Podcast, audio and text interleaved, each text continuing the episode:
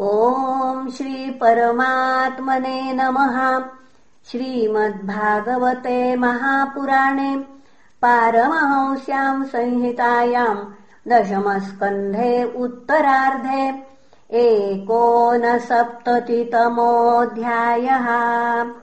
श्रीशुक उवाच नरकम् निहतम् श्रुत्वा तथोद्वाहम् च योषिताम् कृष्णेनैकेन बह्वीनाम् तद्दिदृक्षु स्म नारदः। चित्रम् बतैतदेकेन वपुषा युगपत्पृथक्। गृहेषु द्व्यष्टसाहस्रम् स्त्रिय एक उदावहत्। इत्युत्सुको द्वारवतीम् देवर्षिर्द्रष्टुमागमत्। पुष्पितोपवनाराम द्विजालिकुलनादिताम्। उत्फुल्लेन्दिवराम्भोज कह्लारकुमुदोत्पलैः छुरितेषु सरत्सूश्चैः कूजिताम् हंससारसैः प्रासादलक्षैर्नवभिर्जुष्टाम् स्फाटिकराजतैः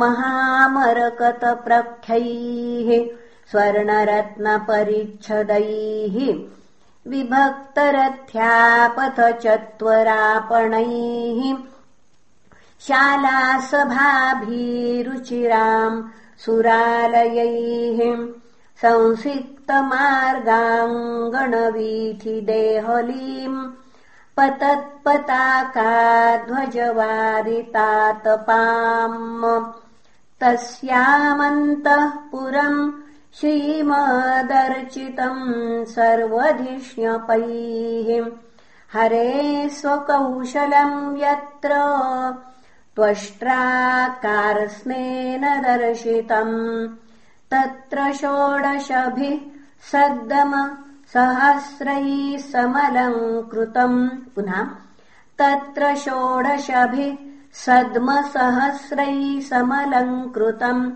विवेशैकतमम् शौरैः पत्नीनाम् भवनम् महत् विष्टब्धम् विद्रुमस्तम्भैर्वैदूर्य फलकोत्तमैः इन्द्रनीलमयै कुड्यैर्जगत्या चाहतत्विषा वितानैर्निर्मितैः स्पष्ट्रा मुक्तादामविलम्बिभिः। दान्तैरासनपर्यङ्कैर्मण्युत्तमपरिष्कृतैः। दासीभिर्निष्ककण्ठीभिः सुवासोभिरलङ्कृतम् पुंभिः स कञ्चुकोष्णीश सुवस्त्रमणिकुण्डलैः रत्नप्रदीपनिकरद्युतिभिर्निरस्त ध्वान्तम् विचित्रवलभीषु शिखण्डिनोऽङ्ग नृत्यन्ति यत्र विहिता गुरुधूपमक्षैर्निर्यान्तमीक्ष घनबुद्धय उन्नदन्तः। तस्मिन् समानगुणरूपवयः सुष्वेशो दासी सहस्रयुतयानुसवम् गृहिण्याम् विप्रो ददर्श चमरव्यजनेन रुक्म दण्डेन सात्वतपतिम् परिवीजयन्त्याम्। तम् सन्निरीक्ष भगवान् सहसोत्थितः श्रीर्पर्यङ्कत सकलधर्मभृताम् वरिष्ठः। आनम्यपादयुगलम् शिरसा किरीटो जुष्टेन साञ्जलिरवीविशदासने स्वे। तस्यावनिज्यचरणौ सदपस्वमूर्ध्ना बिभ्रज्जगद्गुरुतरोऽपि सताम् पतिर्हि। ब्रह्मण्यदेव इति पुनः ब्रह्मण्यदेव इति यद्गुणनामयुक्तम्। तस्यैव यच्चरणशौचमशेषतीर्थम्। सम्पूज्य देव ऋषिवर्यम् ऋषि पुराणो नारायणो नरसखो विधिनोदितेन। वाण्याभिभाष्यमितयामृतमिष्टयातम् प्राह प्रभो भगवते करवामहे किम्। नारद उवाच नैवाद्भुतम् त्वयि विभोऽखिललोकनाथे मैत्रीजनेषु सकलेषु दमः खलानाम् निःश्रेयसाय हि जगत्स्थितिरक्षणाभ्याम् स्वैरावतार उरुगाय विदाम सुष्ठु। दृष्टम् तवाङ्घ्रियुगलम् जनतापवर्गम् ब्रह्मादिभिर्हृदि विचिन्त्यमब्गाधबोधैः संसारकूपपतितोत्तरणावलम्बम् ध्यायंश्चराम्यनुगृहाण यथा स्मृतिः स्यात्। ततोऽन्यदा विशद्गेहम् कृष्णपत्न्याः स नारदः योगेश्वरेश्वरस्याङ्ग योगमायाविवीत्सयाम् दिव्यन्तमक्षैस्तत्रापि प्रियया चोद्धवेन पुनः प्रियया चोद्धवेन च पूजितः परया भक्त्या प्रत्युत्थानासनादिभिः पृष्ठश्चाविदुषेवासौ कदा यातो भवानिति क्रियते किम् नु पूर्णा नाम पूर्णैरस्मददादिभिः। अथापि ब्रूहि नो ब्रह्मन् जन्मत्तच्छोभनम् कुरु। पुनः अथापि ब्रूहि नो ब्रह्मन् जन्मैतच्छोभनम् कुरु। स तु विस्मित उत्थाय तूष्णीमन्यदगाद्गृहम् तत्राप्यचष्ट गोविन्दम् लालयन्तम् सुतान् शिशून् ततोऽन्यस्मिन् गृहे पश्यन्मज्जनाय कृतोद्यमम् जुह्वन्तम् च वितानाग्नीम् यजन्तम् पञ्चभिर्मखैः भोजयन्तम् द्विजान् क्वापि भुञ्जानमवशेषितम् क्वापि सन्ध्यामुपासीनम्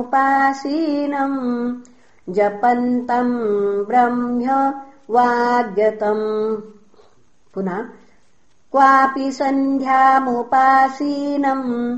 जपन्तम् ब्रह्मवाद्यतम् एकत्र चासि चर्मभ्याम् चरन्तमसि वर्त्मसु अश्वैर्गजैरथैः क्वापि विचरन्तम् गदाग्रजम्। क्वचिच्छयानम् पर्यङ्के स्तूयमानम् च वन्दिभिः। मन्त्रयन्तम् च कस्मिंश्चिन्मन्त्रिभिश्चोद्धवादिभिः जलक्रीडारतम् क्वापि वारमुख्याबलावृतम् कुत्रचिद्विजमुखेभ्यो ददतम् गास्वलङ्कृताः इतिहासपुराणानि शृण्वन्तम् मङ्गलानि च हसन्तम् हास्यकथया कदाचित्प्रियया गृहे क्वापि धर्मम् सेवमान मर्थकामौ च कुत्रचित् ध्यायन्तमेकमासीनम् पुरुषम् प्रकृतेः परम् शुश्रूषन्तम् गुरुम् क्वापि कामैर्भोगैः सपर्ययाम्। कुर्वन्तम् विग्रहम् कैश्चित् सन्धिम् चान्यत्र केशवम्। कुत्रापि सह रामेण चिन्तयन्तम् सताम् शिवम्। पुत्राणाम् दुहितॄणाम् च काले विद्युपयापनम् दारैर्वरैस्तत्सदृशैः कल्पयन्तम् विभूतिभिः प्रस्थापनोपानयनैरपत्यानाम् महोत्सवान् वीक्षयोगेश्वरेशस्य येषाम् लोकाविसिस्मिरे। यजन्तम् सकलान् देवान् क्वापि क्रतुभिरुर्जितैः। पूर्तयन्तम् क्वचिद्धर्मम् कोपाराममठादिभिः चरन्तम् मृगयाम् क्वापि हयमारुह्य सैन्धवम्। घ्नन्तम् ततः पशून्मेध्यान् परीतम् यदुपुङ्गवैः। अव्यक्तलिङ्गम् प्रकृतिष्वन्तः पुरगृहादिषु क्वचिच्चरन्तम् योगेशम् तत्तद्भावबुभुक्स्थसयाम्। अथोवाच ऋषिकेशम्। नारदः प्रहसन्निव। योगमायोदयम् वीक्ष्य। मानुषीमियुषो गतिम्। विदामयोगमायास्ते। दुर्दर्शा अपि मायिनाम् योगेश्वरात्मन्निर्भ्राता भवत्पादनिषेवयाम्। अनुजानीहि माम् देव लोकांस्ते यशसा प्लुतान्। पर्यटामि तवोद्गायन् लीलाम् भुवनपावनीम्। श्रीभगवानुवाच ब्रह्मन् धर्मस्य वक्ताहम्। कर्ता तदनुमोदिता। तच्छिक्षयम् लोक पुनः तच्छिक्षयम् लोकमिममास्थितः पुत्रमाखिदः। श्रीशुक उवाच।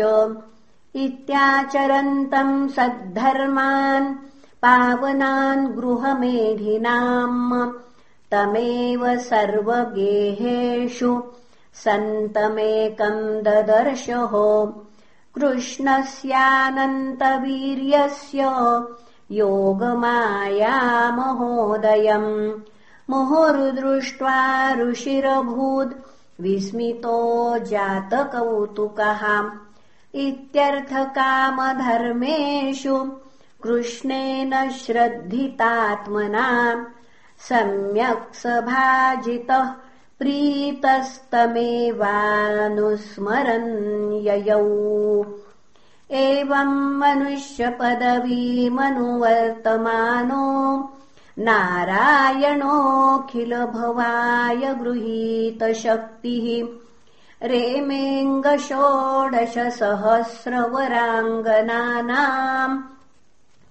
रेमेऽङ्गषोडशसहस्रवराङ्गनानाम् सव्रीडसौहृदनिरीक्षणहासजुष्टः। यानीह विश्वविलयोद्भववृत्तिहेतुः कर्माण्यनन्यविषयाणि हरिश्चकार। यस्त्वङ्गगायति शृणोत्यनुमोदते वा भक्तिर्भवेद्भगवति। ह्यपवर्गमार्गे इति श्रीमद्भागवते महापुराणे पारमहंस्याम् संहितायाम् दशमस्कन्धे उत्तरार्धे कृष्णगार्भ्यस्थदर्शनम् नामैकोनसप्ततितमोऽध्यायः श्रीकृष्णार्पणमस्तु। हरये नमः हरये नमः हरये नमः